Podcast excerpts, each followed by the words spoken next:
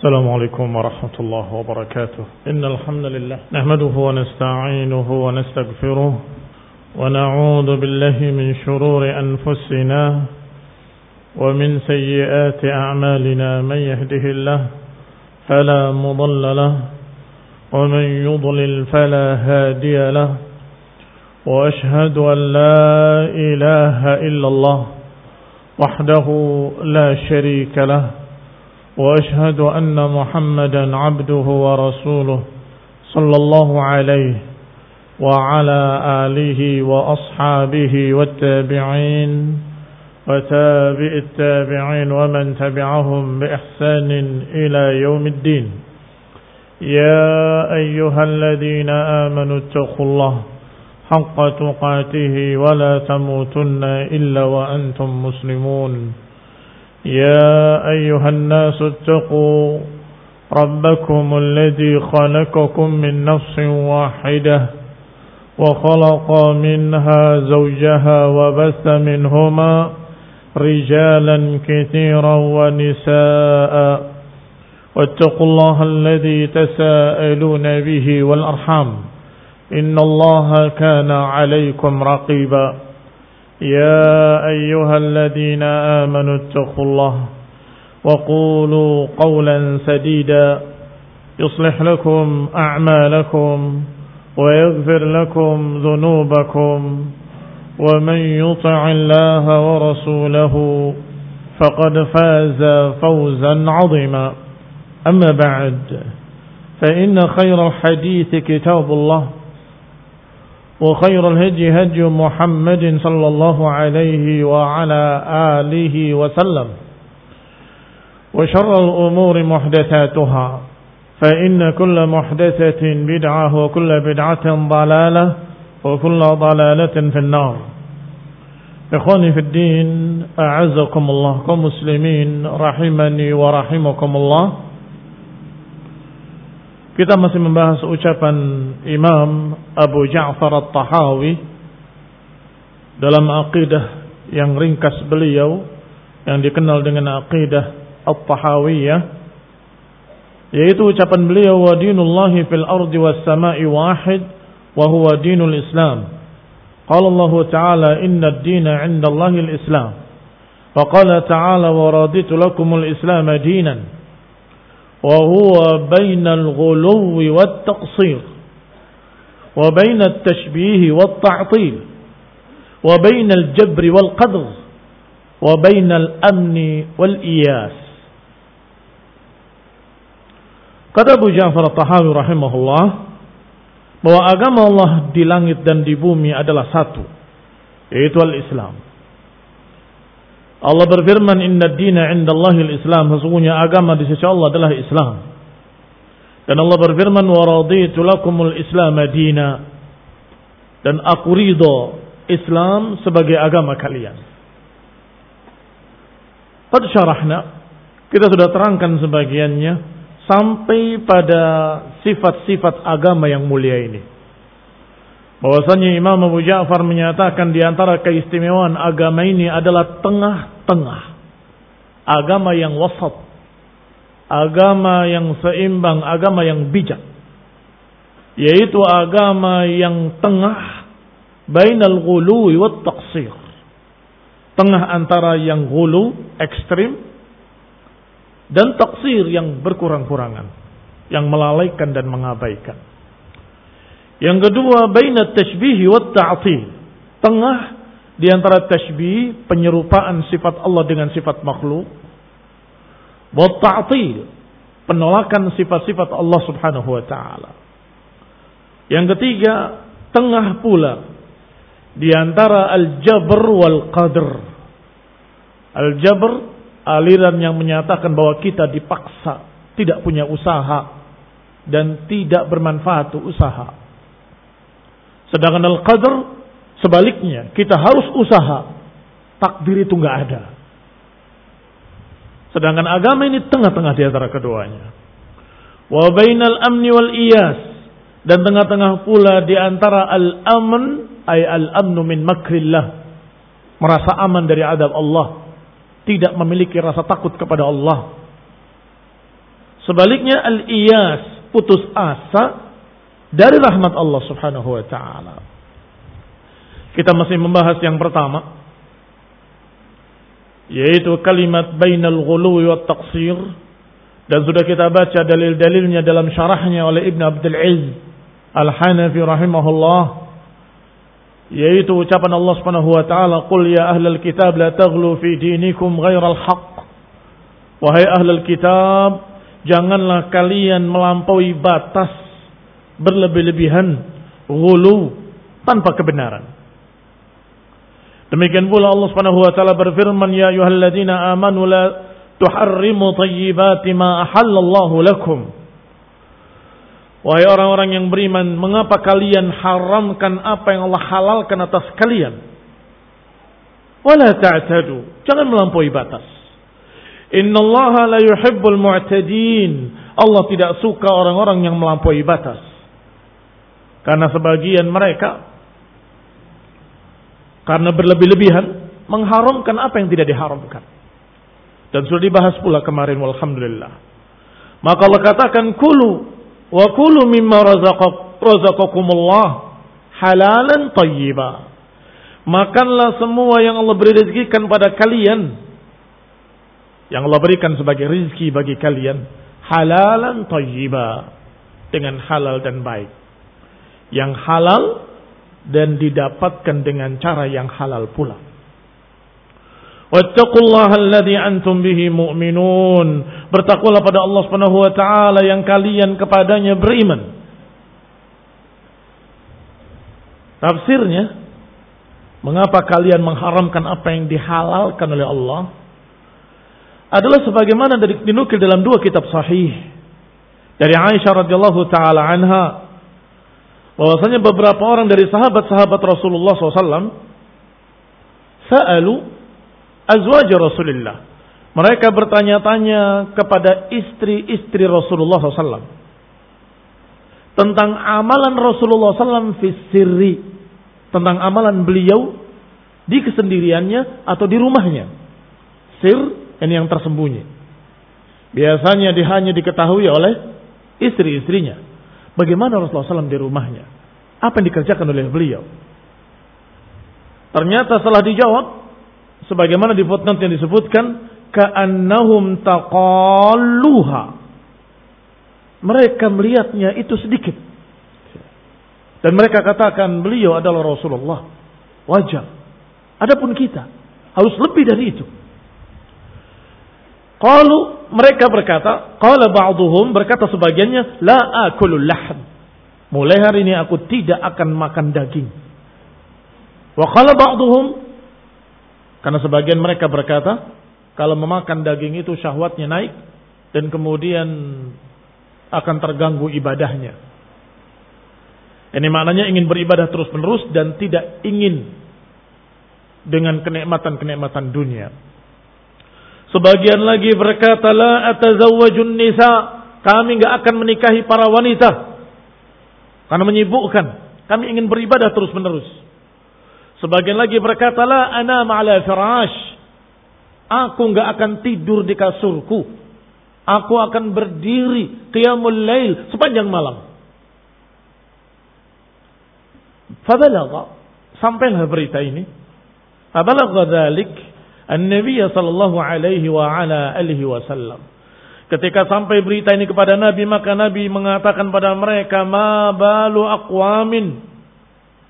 Dalam riwayat Rasulullah SAW naik mimbar, Hamidallah wa asna alaih, menyanjung Allah dan memujinya, kemudian berkata, "Amma ba'd, ma balu aqwamin yaqulu ahaduhum kada wa kada." Ada apa dengan beberapa kaum yang mengatakan begini dan begitu? Lakinni asumu wa aftir. Adapun aku berpuasa dan aku berbuka. Artinya kadang berpuasa, kadang berbuka. Tidak berpuasa terus menerus. Wa anamu wa aqum. Aku tidur dan aku bangun malam. Tidak bangun malam terus menerus. Wa akulul laham. Dan aku makan daging. Wa tazawwajun nisa dan aku mengawini para wanita. Faman raghiba an sunnati falaysa minni. Maka siapa yang tidak suka dengan sunnahku ini, maka dia bukan golonganku. Berarti kaedah lebih banyak lebih baik tidak pas dalam agama. Kaedah yang menyatakan lebih banyak lebih bagus itu kaedah tidak tepat diterapkan dalam agama. Belum tentu lebih banyak itu lebih baik. Tetapi yang lebih cocok dengan sunnah Rasulullah itu lebih baik. Allah subhanahu wa ta'ala tidak menyatakan ayyukum ah, aktsaru amala.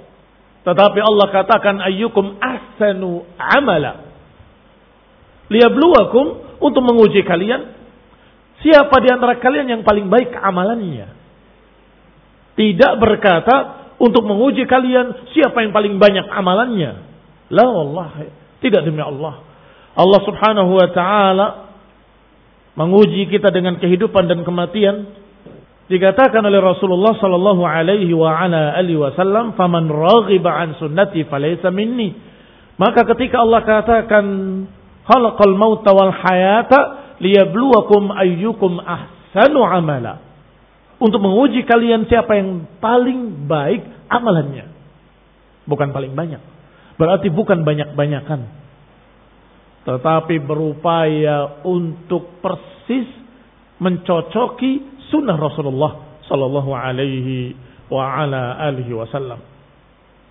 Wa fi ghairi sahihain, di dalam selain dua kitab sahih disebutkan sa'alu an ibadatihi fi sirri mereka bertanya-tanya tentang ibadah Rasulullah SAW di kerahasiaannya atau di kesendiriannya. Ini di rumahnya. Faka'annahum taqalluha.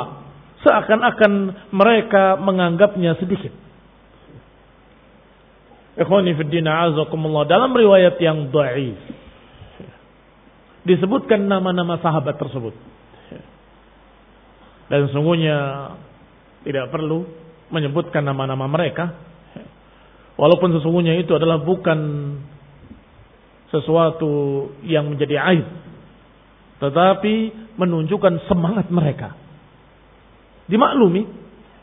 Orang yang belum diberitahu oleh Nabi SAW. Semangatnya tinggi. Ingin lebih banyak. Maka disebutkan dalam riwayat. Ruwiya. Karena riwayatnya fihi nawar. Ada permasalahan di dalamnya. Bahwa sebab turun ayat Allah subhanahu wa ta'ala yang tadi menyatakan ya ayyuhalladzina amanu la tuharrimu thayyibat ma ahallallahu lakum. Jangan mengharamkan apa yang baik-baik dari apa yang Allah halalkan. Disebutkan dalam tafsir dari Jur, Ibnu Juraij dari Ikrimah. Ibnu Juraij mudallis wa qad an ana an ana maknanya meriwayatkan dengan an Seorang yang mudallis harus meriwayatkan dengan sharih untuk diterima riwayatnya. Ima dengan kalimat haddatsana atau akhbarana menyampaikan kepadaku. Menyampaikan kepadaku atau berbicara kepadaku. Kalau kalimatnya an fulan tidak diterima. Khawatir an fulan melalui orang lain yang disembunyikan oleh dia. Tadlis adalah menyembunyikan rawi yang langsung dia terima kepada rawi yang berikutnya. Tetapi karena beliau bukan pendusta, beliau tidak menyatakan saya dengar dari beliau, tidak. Karena dengarnya bukan dari beliau. Paham ya? Karena dengarnya dari orang lain. Melalui. Cuma khawatir orang lain ini dianggap lemah oleh mereka, oleh kaum muslimin. Maka dia sembunyikan yang ini. Langsung dia sebutkan yang ma'ruf. An fulan. Dari fulan. Dan dia tidak dusta. Memang dari fulan. Tetapi ketika sudah diketahui bahwa beliau ini sering tadlis. Dikenal mudallis. Maka harus menjelaskan apakah kamu dengar sendiri. Kalau dia katakan sami'tu. Fulan berkata. Atau akhbarani. Atau haddadani. Dengan syarih. Dengan tasrih. Maka baru diterima. Di sini dikatakan dalam footnote-nya oleh Syekh Yasin rahimahullah Qala mudallis wa qad an'ana. Ibnu Juraid mudallis dan an'ana. Baik, di sini kelemahannya. Dari Ikrimah. dikatakan bahwa sahabat Uthman ibn Maz'un wa Ali ibn Abi Talib wa Ibn Mas'ud wal Miqdad ibn al-Aswad empat sahabat ini radhiyallahu taala anhum wa Saliman maula Abi Hudzaifah dan satu orang lagi yang kelima Salim maula Abi Hudzaifah radhiyallahu taala anhum in sahha Qala tabattalu mereka mengerjakan tabattul Tabatul adalah meninggalkan dunia untuk ibadah. Yang disunahkan, yang dianjurkan, yang diperintahkan oleh Allah Subhanahu wa taala adalah di sepertiga malam terakhir tabatul itu. Apa kata Allah? Ya ayuhal muzammil, laila illa qalila, nisfahu aw inqus minhu qalila, aw zid alaihi wa rattil qur'ana tartila. Sampai pada kalimat Watabattal ilaihi tabtila. Bangunlah di sepertiga malam terakhir. Watabattal. Hendaklah kamu bertabattul ilaihi tabtila. Tabattul itu bermakna meninggalkan istrinya untuk ibadah. Meninggalkan dunianya untuk ibadah.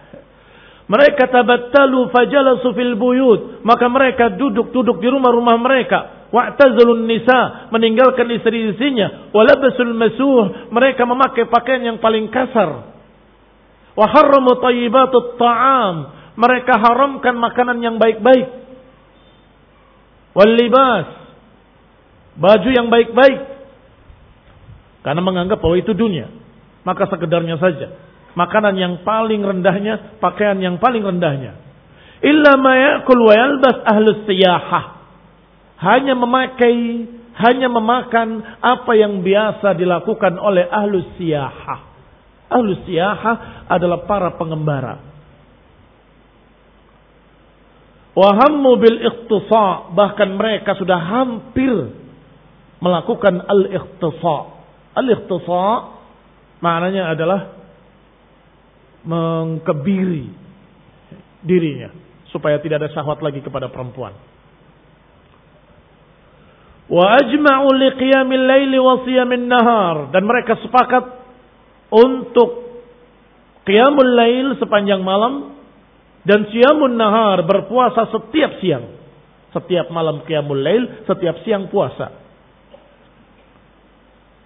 Fanazalat maka turunlah ayat ini ya, ya ayyuhalladzina amanu la tuharrimu tayyibati ma ahallallahu lakum wa la ta'tadu Wahai orang-orang yang beriman, janganlah kalian mengharamkan apa yang baik-baik yang Allah berikan untuk kalian.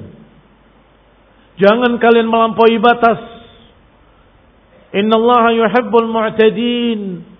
Sesungguhnya Allah subhanahu wa ta'ala tidak suka orang yang melampaui batas. Ikhwani fiddina azakumullah. Makna yang terkandung di dalamnya sama dengan apa yang dibahas dalam hadis-hadis yang sahih. Artinya ada beberapa sahabat yang ingin puasa terus menerus, ingin qiyamul lail terus menerus, dan berkata tidak ingin mengawini para wanita, dan menyatakan aku tidak mau makan daging atau makanan yang mewah, aku hanya mau makan ini dan itu, aku hanya ingin memakai pakaian suh, pakaian yang jelek, yang kasar, ila akhirih. Maka Barakallahu fikum. Mungkin saja riwayat ini benar. Wallahu ta'ala a'lam. Karena apa yang dikatakan oleh beliau Ibnu Juraij. Sampai menyatakan an fulan. Tidak menyebutkan dari siapanya. Karena beliau meyakini bahwa ini benar. Dan dia percaya. Dengan rawi yang disembunyikan. Kan begitu. Inilah bedanya. Dengan apa yang makdub. Hadis yang makdub tidak dibawakan dalam keadaan seperti ini.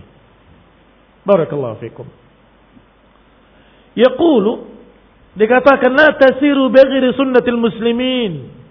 Berarti makna ayat ini adalah jangan kalian berjalan di jalan selain jalannya muslimin atau selain di kebiasaan kaum muslimin. Apa itu kebiasaan kaum muslimin? Sunnatul muslimin yuridu ma harramu minan nisa'i wa ta'ami wal libas. Yaitu jangan kalian mengharamkan para wanita, mengharamkan makanan-makanan yang halal, mengharamkan pakaian-pakaian yang halal. Jangan. Dan juga apa yang mereka sepakati untuk qiyamul lail terus menerus dan siamun nahar terus menerus. Wa ma hammu bihi minal dan apa yang mereka niatkan untuk mengkebiri diri-diri mereka. Maka Allah turunkan ayatnya, jangan. Falamma nazalat fihim, ketika turun ayat ini, maka Nabi SAW mengutus seseorang untuk memanggil mereka. Kemudian Nabi mengatakan pada mereka, Inna li anfusikum alaikum haqqa, wa inna li a'yunikum haqqa, sumu wa aftiru, wa sallu wa namu, Falaysa minna man taraka sunnatana. Sesungguhnya pada diri-diri kalian ada hak yang harus harus kalian tunaikan. Sesungguhnya pada mata-mata kalian ada hak yang harus kalian tunaikan. Tapi jangan ketika pengajian. Iya kan? Ya. Mata-mata kalian punya hak untuk kalian tunaikan. Tidur, istirahat. Pada waktu-waktu istirahat, istirahat. Tetapi jangan di majelis ilmu. Menyia-nyiakan ilmu. Sayang sekali. Jangan dibalik. Giliran waktu tidur, kalian pakai untuk begadang. Main futsal jam 11 sampai jam 2. Isyada. Mau ngapain? Qiyamulail di lapangan bola. Barakallahu fikum. Begitu siang hari, tidur. Ngantuk. Di majelis, ngantuk. Kamar, ngantuk, di masjid salat ngantuk. Ikhwani fillah azakumullah. Kaum muslimin rahimani wa rahimakumullah. Qal dikatakan para sahabat mengatakan salimna wattaba'na ma anzalta. Kami terima, kami tunduk dan kami ikut apa yang kau turunkan ya Allah. Ikhwani fillah azakumullah maka hendaklah meriwayatkan riwayat-riwayat lengkap. Kalau meriwayatkan ada seorang sahabat yang berkata, aku ingin salat malam terus menerus, aku tidak akan mengawini para wanita, aku tidak akan tidur semalaman ila akhirnya. Jangan stop sampai di situ. Jangan stop sampai di situ. Yang terkesan akhirnya ternyata ada sahabat yang ekstrim. Ada sahabat yang hulu. Tapi selesaikan sampai tuntas. Sampai pada kalimat salimna. Wattaba'na ma anzalta. Kami tunduk dan kami terima dan kami mengikuti apa yang kau turunkan ya Allah. Sami'na wa ata'na. Radiyallahu ta'ala anhum wa ardahum. Kalau kamu jelaskan dari awal kisah Sampai kemudian beliau, para sahabat tadi, kemudian rujuk dan menerima nasihat Rasulullah SAW. Maka itu adalah kebaikan dan pujian buat mereka. Paham? Bukan cercaan. Jangan saya mengatakan, oh Ustaz Muhammad mencerca sahabat. Dikatakan sahabat hulu. Karena menyatakan tafsir ayat ini adalah sahabat. La taglu, la tuharrimu, wa la ta'tadu. Jangan melampaui batas. Ternyata tentang sahabat. Berarti ini mencerca sahabat ini orang yang berkesimpulan seperti ini dungu. Tidak mengerti cercaan dan sejarah. Setiap ulama, alim, qadiman wa haditha. Dulu pun maupun sekarang. Dulu ataupun sekarang. Kalau menceritakan riwayat, akan diceritakan bagaimana pertama sebelum masuk Islam. Kemudian masuk Islam. Kan begitu. Yang tadinya musyrikin mendapatkan hidayah. radhiyallahu ta'ala anhum. Apa itu cercaan? Tadinya baru masuk Islam, tidak mengerti, maka mengatakannya Rasulullah, "Ij'alna dhatu anwat, kama lahum dhatu anwat." Kemudian ditegur oleh Rasulullah SAW, maka para sahabat mendapatkan ilmu radhiyallahu taala anhum. Mafhum? Ya. Hati-hati. Ya. Jangan terbawa musafiqin, al-kadzabun, ad-dallun. Ya. Kembali pada kita.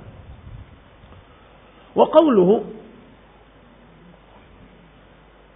Yang kedua, di antara sifat keistimewaan agama yang mulia ini, agama Islam, adalah bainat tashbih wa ta'til. Tengah-tengah di antara tashbih dengan ta'til.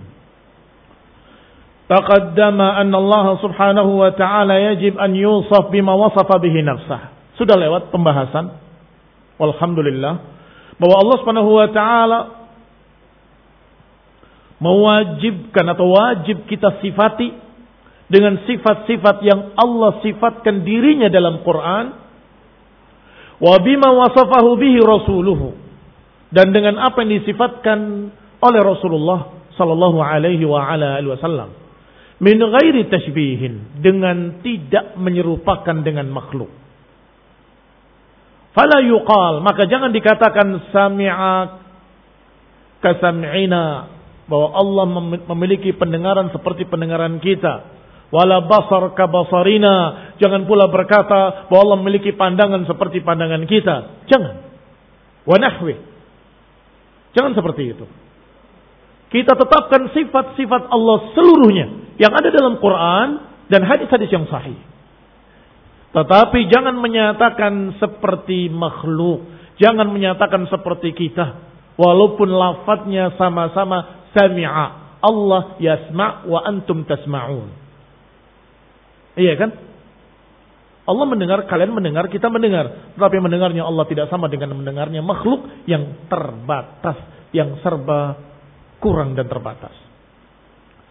Wa min ghairi ta'til dan tidak menolak sifat. Jangan ditolak sifatnya. Apa yang tersebut dalam Quran, apa yang tersebut dalam sunnah, kita katakan amanna bihi kullun min indi rabbina. Kita beriman dengannya karena semuanya dari sisi Rabb kami. Fala yunfi anhu ma wasafa bihi nafsah. Maka jangan kita tolak apa yang Allah sifatkan dirinya dengannya. Jangan ditolak. Awasafahu bihi a'rafan nas bihi. Jangan pula menolak apa yang disifatkan oleh a'rafan nas. Oleh manusia yang paling kenal Allah. Manhu? Rasulullah SAW. Fa inna dzalika ta'til. Karena penolakan itulah yang dikatakan ta'til. Wa qad taqaddama al-kalam fi hadzal ma'na dan sudah lewat pembahasan tentang ini walhamdulillah rabbil alamin. Berarti hendaklah kita menerima sifat-sifat Allah, jangan menolak. Hendaklah kita tidak menyamakan Allah dengan makhluk. Adapun musyabbihin menetapkan sifat tetapi menyamakan Allah dengan makhluk. Adapun mu'attilin katanya kami tidak menyamakan Allah dengan makhluk. Maka kami menolak sifat-sifat itu. Dua-duanya salah. Yang ini menerima sifat tapi menyamakan. Yang ini katanya tidak mau menyamakan tapi menolak sifat. Maka Islam agama ini mengajarkan kita untuk menerima sifat-sifat Allah. Aman nabi kulun min rabbina. Tetapi jangan diserupakan dengan makhluk. Allah maha mendengar tidak seperti mendengarnya makhluk. Allah maha melihat tidak seperti melihatnya makhluk. Allah memiliki tangan tidak seperti tangannya makhluk. Allah menyebutkan dirinya memiliki mata tapi tidak seperti makhluk. Ila akhirnya. Jangan ditolak. Wa nadiru hadzal qaul qauluhu wa man lam wat tashbiha zalla wa lam yusib tanzih. Ini sama dengan ucapan beliau, ucapan Abu Ja'far Tahawi. Siapa yang tidak menghindari an-nafyi wat tashbih zalla, tergelincir. Walam yusib tanzih dan tidak mensucikan Allah Subhanahu wa taala. Siapa yang tidak menghindari dua bahaya ini, maka dia tergelincir dan dia tidak mensucikan Allah. Apa dua perkara? An-nafyu wat tasbih. Nafsu, nafyu penolakan. Sedangkan tasbih penyerupaan. Jangan menolak, jangan menyerupakan. Mereka karena kebodohannya menganggap bahwa kami mensucikan Allah. Tidak mungkin Allah punya tangan. Mustahil. Masa punya tangan kayak makhluk? Loh, yang bilang kayak makhluk siapa? Itu kan kamu sendiri. Allah menyatakan yadullah, tangan Allah, tetapi tidak mengatakan seperti makhluk. Siapa yang bilang seperti makhluk? Berarti kamu belum mensucikan Allah. Kalau mensucikan, mensucikan Allah, maha suci Allah. Tangannya tidak sama dengan tangan makhluk. Ditetapkan. Tangan Allah tidak sama dengan tangan makhluk. Itu namanya mensucikan Allah. Sebaliknya. Yang katanya kami mensucikan Allah. Allah maha mulia dengan sifat-sifatnya. Maka Allah semua sifat-sifatnya maha mulia dengan sifatnya. Yaitu tangan. Ya tangan seperti kita punya tangan. Itu bukan mensucikan Allah SWT menyerupakan Allah dengan makhluk. Maka harus dihindari kedua-duanya. Agama Islam tengah-tengah antara keduanya. Siapa yang menyerupakan Allah atau sifat-sifat Allah dengan makhluk seperti penyembah berhala, pala atau kaki atau tangan seperti makhluk, ya kayak penyembah berhala. Allah tidak sama dengan itu. Sedangkan yang menyatakan Allah tidak punya sifat ini, Allah tidak punya sifat itu, Allah tidak punya sifat ini, Allah tidak punya sifat itu. Apa ujung-ujungnya? Ya'budul adam. Menyembah yang tidak ada. Nggak ada sifatnya. Saya ketemu makhluk. Tapi tidak ada sifatnya sama sekali. Dia tidak hitam, tidak putih, tidak tidak besar, tidak kecil, tidak... Semua kamu nafikan. Nah berarti kamu nggak lihat apa-apa. Bentuknya seperti apa? Bentuknya nggak seperti apa-apa. Nggak ada. Nggak ada bentuknya. Nggak ada. Ya berarti nggak ada. Maka kata para ulama. Para musyabbihin ya'buduna sanam. Wal mu'attilin ya'buduna al-adam. Saya ulangi. Para musyabbihin ya'buduna sanam. Mereka menyembah berhala. Para musyabbihin. Adapun para mu'attilin, para penolak sifat, ya'budunal adam. Adam tidak ada. Pakai ain, adam, bukan adam. Tapi adam. Ya'budunal adam, ini menyembah yang tidak ada. Dasarnya adalah ayat Allah Subhanahu wa taala yang sangat jelas gamblang, laisa kamitslihi syai'un wa huwas samiul basir. Kalimat laisa kamitslihi syai' adalah penafian tasbih. Allah tidak sama dengan makhluk, maka sifat-sifatnya tidak ada yang serupa dengan makhluk. Taib. Wahuwa sami'ul basir. Penetapan sifat. Jangan ditolak. Allah maha mendengar, Allah maha melihat. Mendengarnya tidak seperti mendengarnya makhluk, melihatnya tidak seperti melihatnya makhluk. Atau kalimat laisa kamitslihi atau kalimat wahwa sami'ul basir. Ini dua-duanya menyeimbangkan adalah dua perkara tadi. Laisa kamitslihi syai' rad 'alal musyabbiha. Potongan pertamanya Allah tidak serupa dengan makhluk membantah para musyabbihin. Sedangkan wahwa sami'ul basir membantah para penolak sifat. Raddun 'alal mu'attilah. Yang ketiga, bainal jabri wal qadri Agama ini tengah-tengah antara al-jabr wal qadr. Juga sudah dibahas walhamdulillah taqaddamal kalamu aidan ala hadzal ma'na. Sudah lewat ucapan ini yang semakna dengan ini wa annal 'abda ghairu majburun ala af'alihi wa aqwalihi. Bahwasanya para hamba tidak dipaksa untuk berbuat atau untuk berbicara, tidak dipaksa. Adapun aliran Jabriyah, Jabr, aliran Jabr, aliran Jabriyah, menganggap bahwa kita dipaksa. Percuma. Gak usah usaha. Gak perlu usaha, gak perlu beramal apa pun. Yang kafir jangan dicerca, yang muslim jangan dipuji. Karena kafir pun tidak salah. Kafir ditakdirkan oleh Allah. Yang muslim juga tidak tidak perlu dipuji. Muslimnya karena Allah. Ditakdirkan oleh Allah. Ini aliran Jabriyah syarrul fariqain. Yang paling jelek dari dua golongan. Qadariyah dan Jabriyah. Jabriyah lebih mengerikan. Maka dibantah tidak dipaksa. Untuk berbicara tidak dipaksa untuk berbuat. Kalian masih punya ikhtiar. Kita masih punya ikhtiar. Wa innaha laysat bimanzilati harakatil murta'ish bahwasanya perbuatan manusia tidak sama dengan keadaan orang yang gemetar. Tidak sama. Pernah gemetar? Kedinginan. Begitu. Kadang-kadang kamu tidak menginginkannya, tapi tiba-tiba bergetar sendiri. Ya. Atau seperti orang yang makan atau minum jamu yang sangat pahit. Tiba-tiba begitu. Ya. Bergerak sendiri. Ya. Bukan kemauanmu. Tidak. Amal-amal manusia, perbuatan baiknya, perbuatan jeleknya, amal ibadahnya, semuanya punya ikhtiar dan manusia berikhtiar, tidak dipaksa. Karena ini alasan mereka. Kata mereka, manusia itu bergerak sama dengan gerakan orang gemetar kedinginan. Tidak ada yang nyuruh, ah, tidak ada keinginan Tiba-tiba Allah gerakkan masing-masing. Fahada kadzab. Dusta. Berapa banyak ayat yang memerintahkan i'malu. Berapa hadis yang menyuruh i'malu. Bagaimana mungkin kalau kita tidak punya ikhtiar. Atau harakatul asjar. Tidak sama pula dengan gerakan pohon-pohon.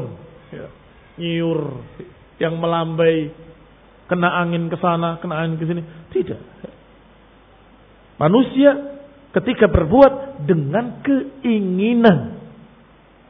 Ada iradah apa enggak ada iradah? Ada iradah. Anta turid wa ana urid. Tapi wallahu fa'alun lima yurid. Ini akidah ahli sunnah. Kita punya keinginan, kamu punya keinginan. Tetapi Allah yang maha berkeinginan. Sehingga kalau keinginanmu bertentangan dengan apa yang Allah kehendaki, yang terjadi adalah apa yang Allah kehendaki. Kemudian teman kamu berkata, kamu gagal. Karena keinginanmu tidak berhasil. Allah yang menakdirkan lain. Tetapi bukan tidak ada keinginan, ada. Bukan gak ada usaha, ada usaha. Baik, kembali kepada kita. Tidak sama dengan gerakan pohon-pohon yang ditiup angin.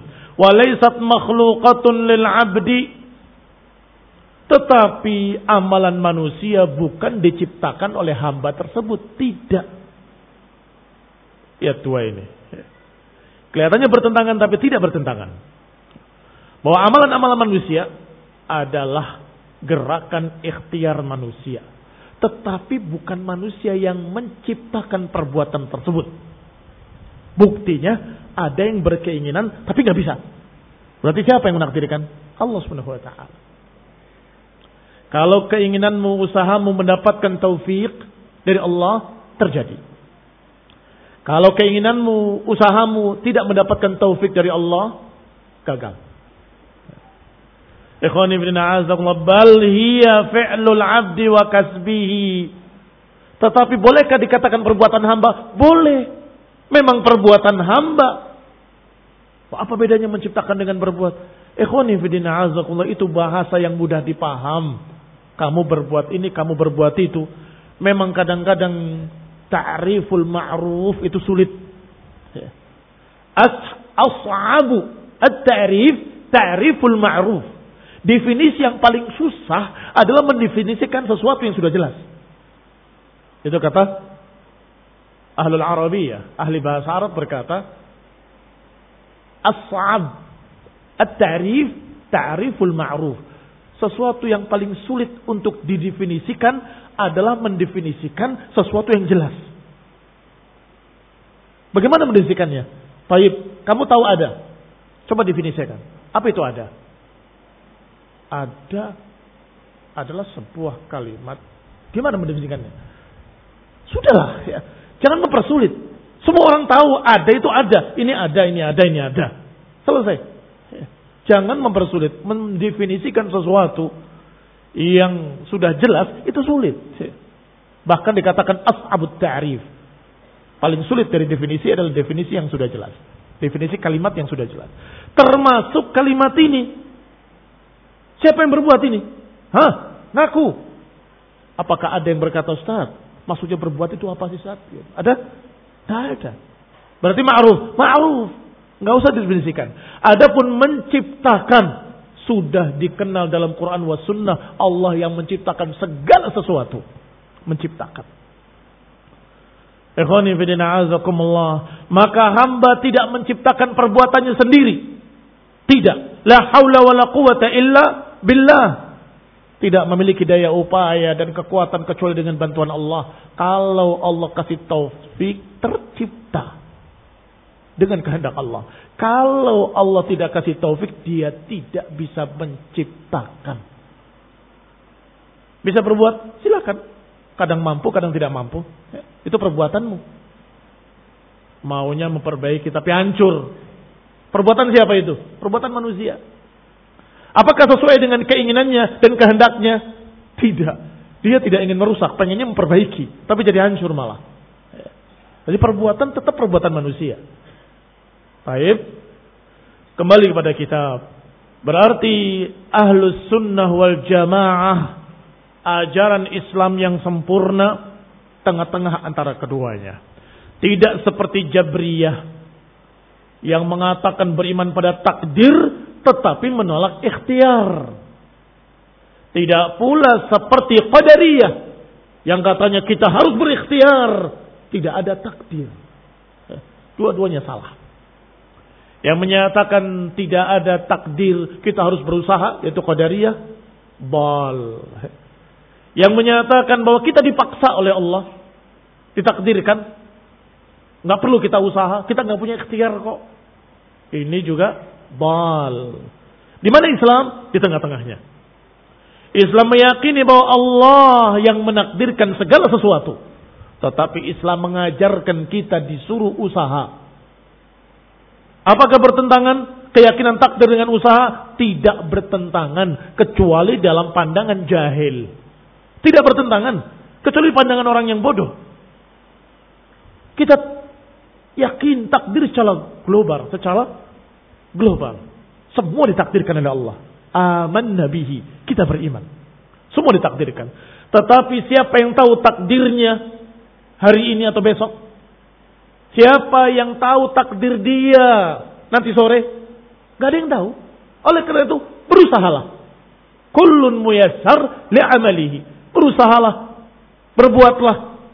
Berharaplah. Berdoalah. Dan bergantunglah kepada Allah karena iman kita meyakini Allah yang menakdirkan. Sehingga orang yang beriman pada takdir usahanya semangat tapi tidak lupa selalu meratap pada Allah ya Allah kalau engkau tidak beri taufik aku nggak akan berhasil. Ya Allah kalau bukan karena engkau kalau bukan karena bantuanmu, kalau bukan karena takdirmu, kami nggak akan bisa, nggak akan mampu. Sehingga antara usaha dengan doa dan tawakal beriringan. Yang keempat. Qauluhu bainal amni wal iyas. Antara keamanan merasa aman dan putus asa. Ini juga taqaddam al-kalam ala hadzal ma'na wa annahu yajib an yakuna al-'abd khaifan min 'adzabi rabbih rajiyan rahmatih atau rajiyan rahmatah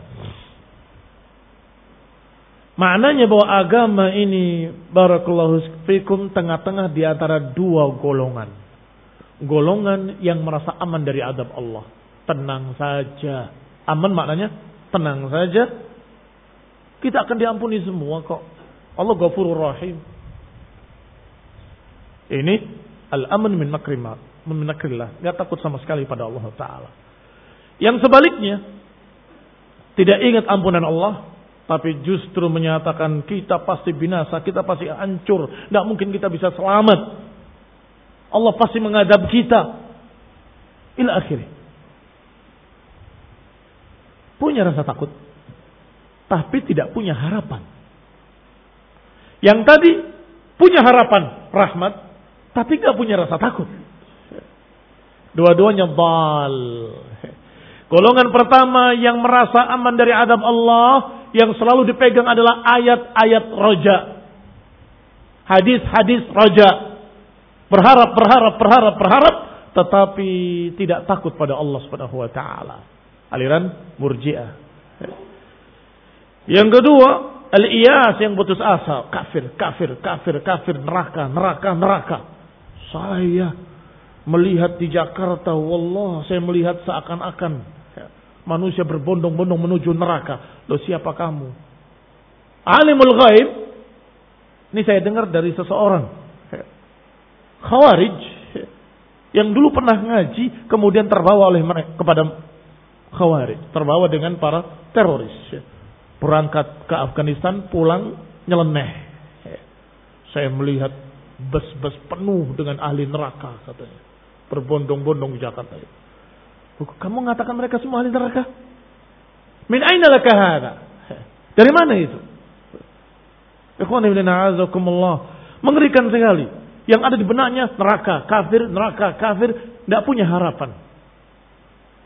Kenapa tidak menyatakan Allahumma gfir lahum, Allahumma hdihim. Fa'innahum la ya'lamun. Ya Allah berilah hidayah pada mereka. Mereka masih belum paham. Mereka ngerti agama. Ya Rabb. Berikan hidayah pada mereka. Ikhwani fidina azakumullah. Adapun ahlus sunnah wal jamaah.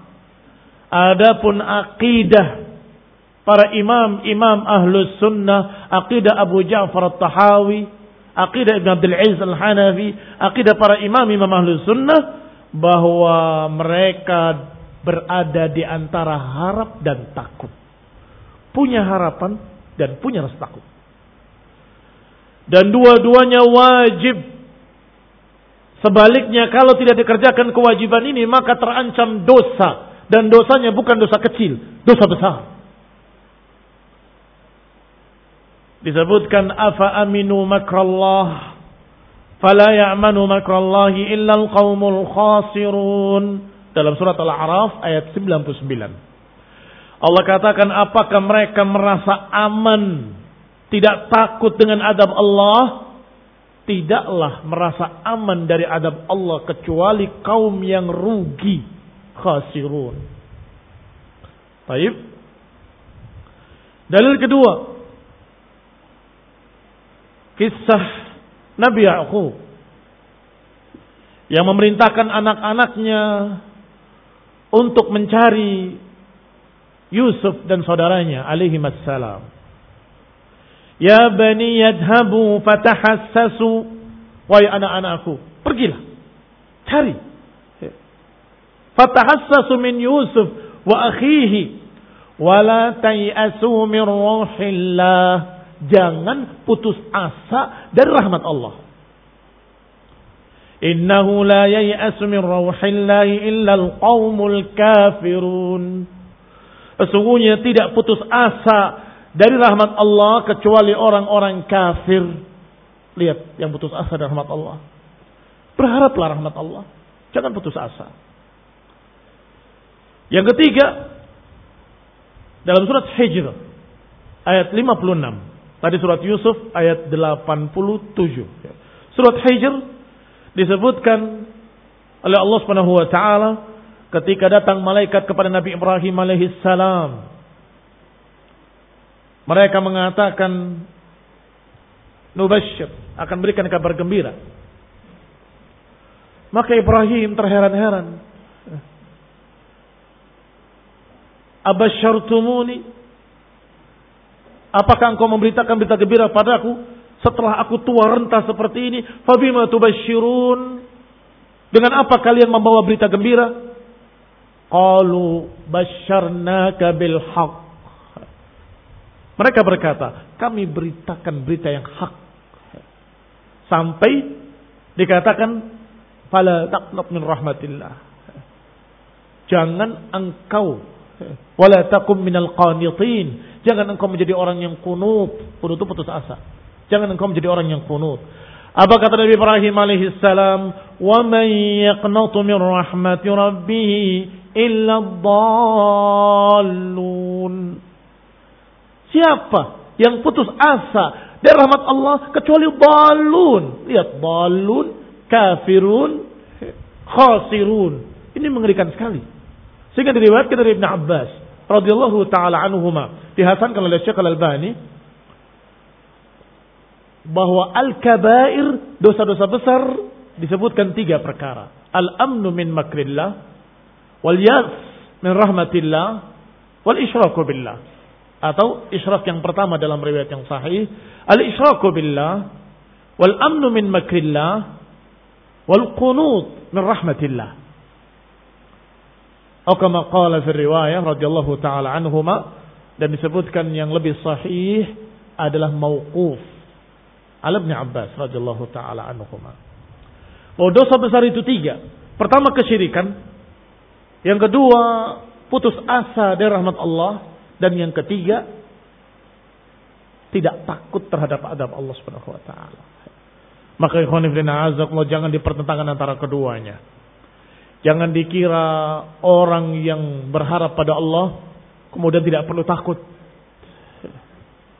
Atau berpikir siapa yang takut pada Allah tidak perlu berharap.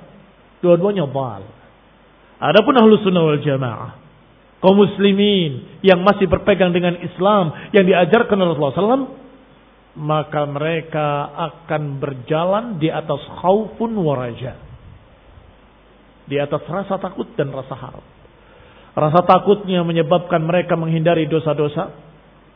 Rasa harapnya membuat mereka semangat untuk beramal ibadah. Minta ampun pada Allah Subhanahu wa taala. Barakallahu fiikum tawfiq wal afiyah wal hidayah wa rahmah. Subhanakallahumma bihamdika asyhadu an la ilaha illa ant astaghfiruka wa atubu ilaik. Wassalamu alaikum warahmatullahi wabarakatuh.